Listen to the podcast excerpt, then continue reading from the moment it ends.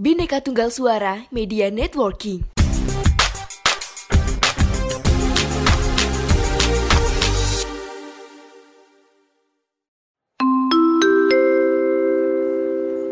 Mohon perhatian. Sekali lagi kami sampaikan, bikin podcast dengan Anchor dijamin gampang. Gak percaya? Langsung buktiin aja. Anchor, teman setia podcaster.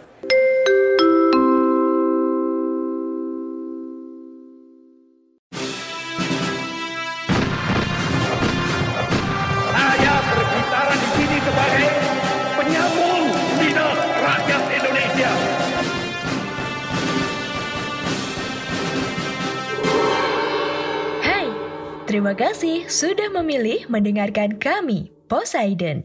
Podcast yang bikin kalian gagal move on. Assalamualaikum warahmatullahi wabarakatuh Hai, halo teman-teman semua Berjumpa lagi via suara bersama saya Ava di Poseidon Podcast Sejarah Indonesia Gimana nih kabar teman-teman semua?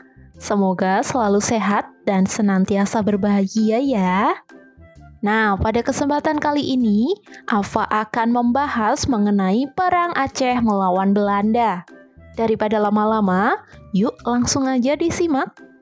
Perang Aceh adalah perang Kesultanan Aceh melawan Belanda yang dimulai pada tahun 1873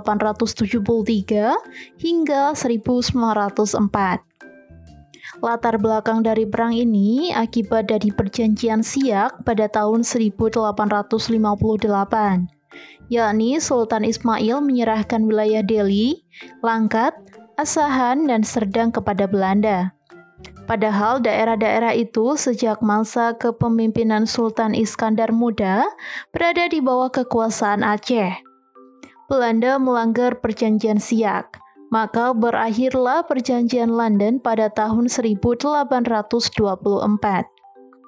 Isi perjanjian London adalah Belanda dan Britania Raya membuat ketentuan tentang batas-batas kekuasaan kedua daerah di Asia Tenggara, yaitu dengan garis lintang Singapura. Keduanya mengakui kedaulatan Aceh.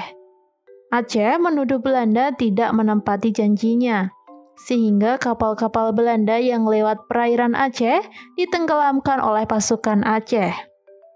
Perbuatan Aceh ini didukung oleh Britania. Dengan dibukanya terusan Suez oleh Ferdinand de Lesseps menyebabkan perairan Aceh menjadi sangat penting untuk lalu lintas perdagangan. Ditandatanganinya perjanjian London 1871 antara Inggris dan Belanda yang isinya Britania memberikan keleluasaan kepada Belanda untuk mengambil tindakan di Aceh. Belanda harus menjaga keamanan lalu lintas di Selat Malaka. Belanda mengizinkan Britania bebas berdagang di Siak dan menyerahkan daerahnya di Guyana Barat kepada Britania. Akibat perjanjian Sumatera tahun 1871, Aceh mengadakan hubungan diplomatik dengan konsul Amerika Serikat, Kerajaan Italia, dan Kesultanan Utsmaniyah di Singapura. Aceh juga mengirimkan utusan ke Turki Utsmani pada tahun 1871. Akibat upaya diplomatik Aceh tersebut, Belanda menjadikannya sebagai alasan untuk menyerang Aceh. Wakil Presiden Dewan Hindia, Frederick Nicholas, dengan dua kapal perangnya datang ke Aceh dan meminta keterangan dari Sultan Mahmud Syah tentang apa yang sudah dibicarakan di Singapura itu. Tetapi Sultan Mahmud menolak untuk memberikan keterangan. Perang Aceh ini terbagi menjadi ke dalam empat periode. Periode yang pertama yakni terjadi pada tahun 1873 hingga tahun 1874 yang dipimpin oleh Panglima Polim dan Sultan Mahmud Syah melawan Belanda yang dipimpin oleh Kohler. Kohler dengan terdadunya dapat dipatahkan, di mana Kohler sendiri tewas pada tanggal 14 April 1873. Sepuluh hari kemudian, perang berkecamuk di mana-mana. Yang paling besar saat merebut kembali Masjid Raya Baitur Rahman, yang dibantu oleh beberapa kelompok pasukan, ada di Peukan Aceh, Lambuk, Lampu Upeukan Bada sampai Lambada Krueng Raya. Beberapa ribu orang juga berdatangan dari Tunom, Pidi, Piusangan, dan beberapa wilayah lain.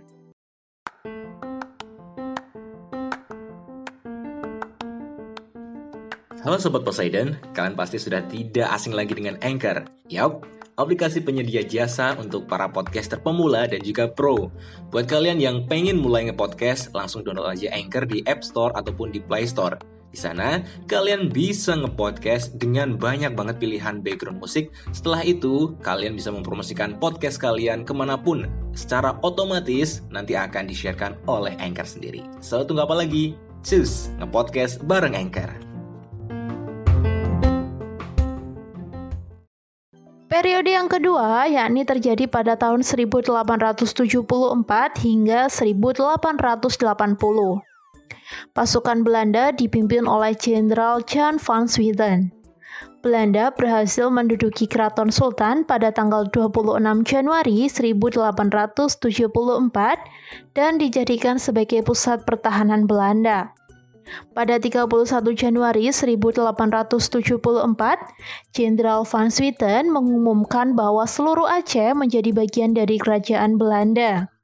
Ketika Sultan Mahmud Shah wafat pada tanggal 26 Januari 1874 dan kemudian digantikan oleh Tuanku Mahmud Dawud yang dinobatkan sebagai Sultan di Masjid Indrapuri.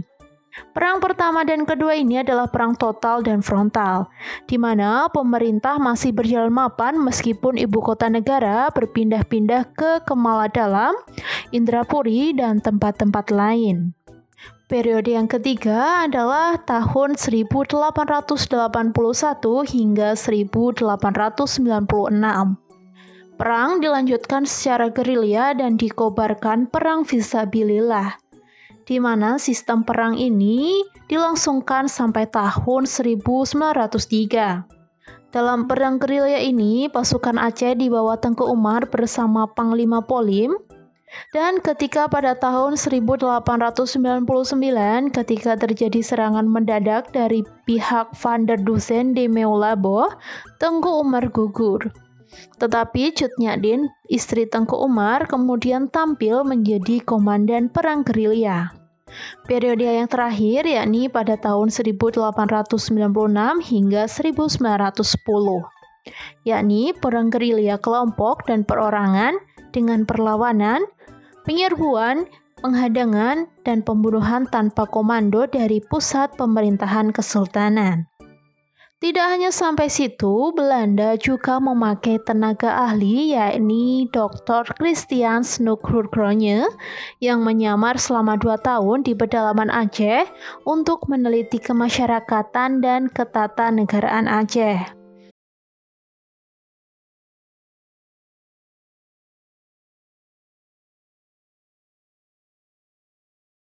Lukan Aceh. Usulan strategis Nukhorkronya kepada gubernur militer Belanda Johannes Benedictus van Hoots adalah supaya golongan Kemala atau sultan yang berkedudukan di Kemala dengan pengikutnya dikesempingkan dahulu tetap menyerang terus dan menghantam terus kaum ulama, jangan mau berunding dengan pemimpin-pemimpin gerilya, mendirikan pangkalan tetap di Aceh Raya, menunjukkan niat baik Belanda kepada rakyat Aceh dengan cara mendirikan langgar, masjid,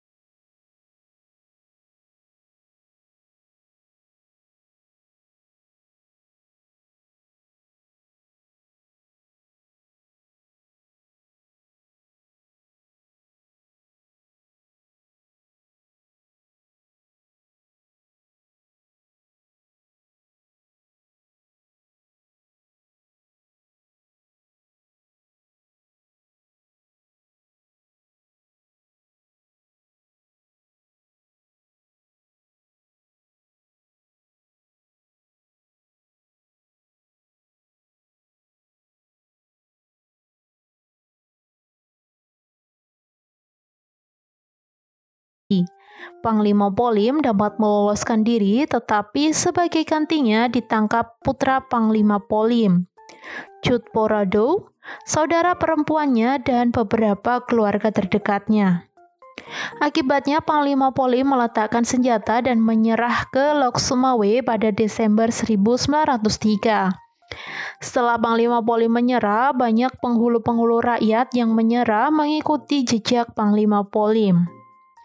Taktik selanjutnya pembersihan dengan cara membunuh rakyat Aceh yang dilakukan di bawah pimpinan Van Dalen yang menggantikan Van Hoots.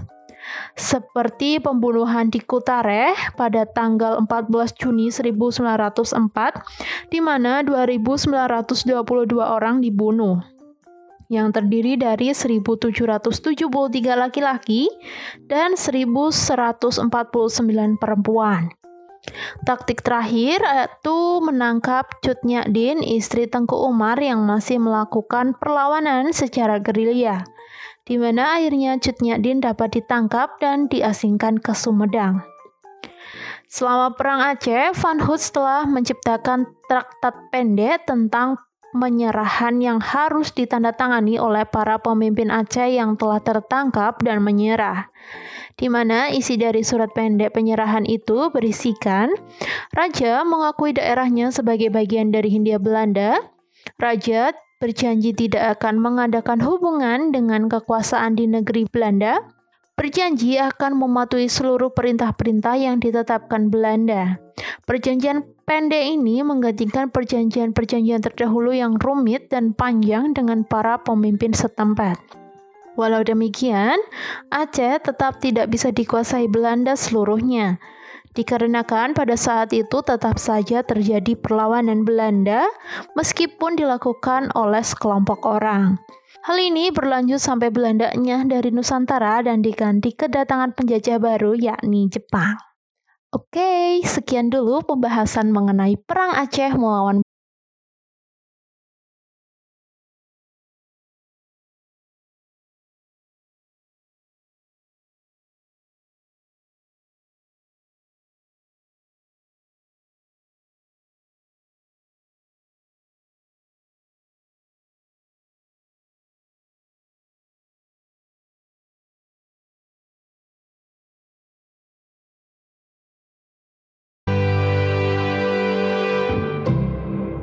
kasih.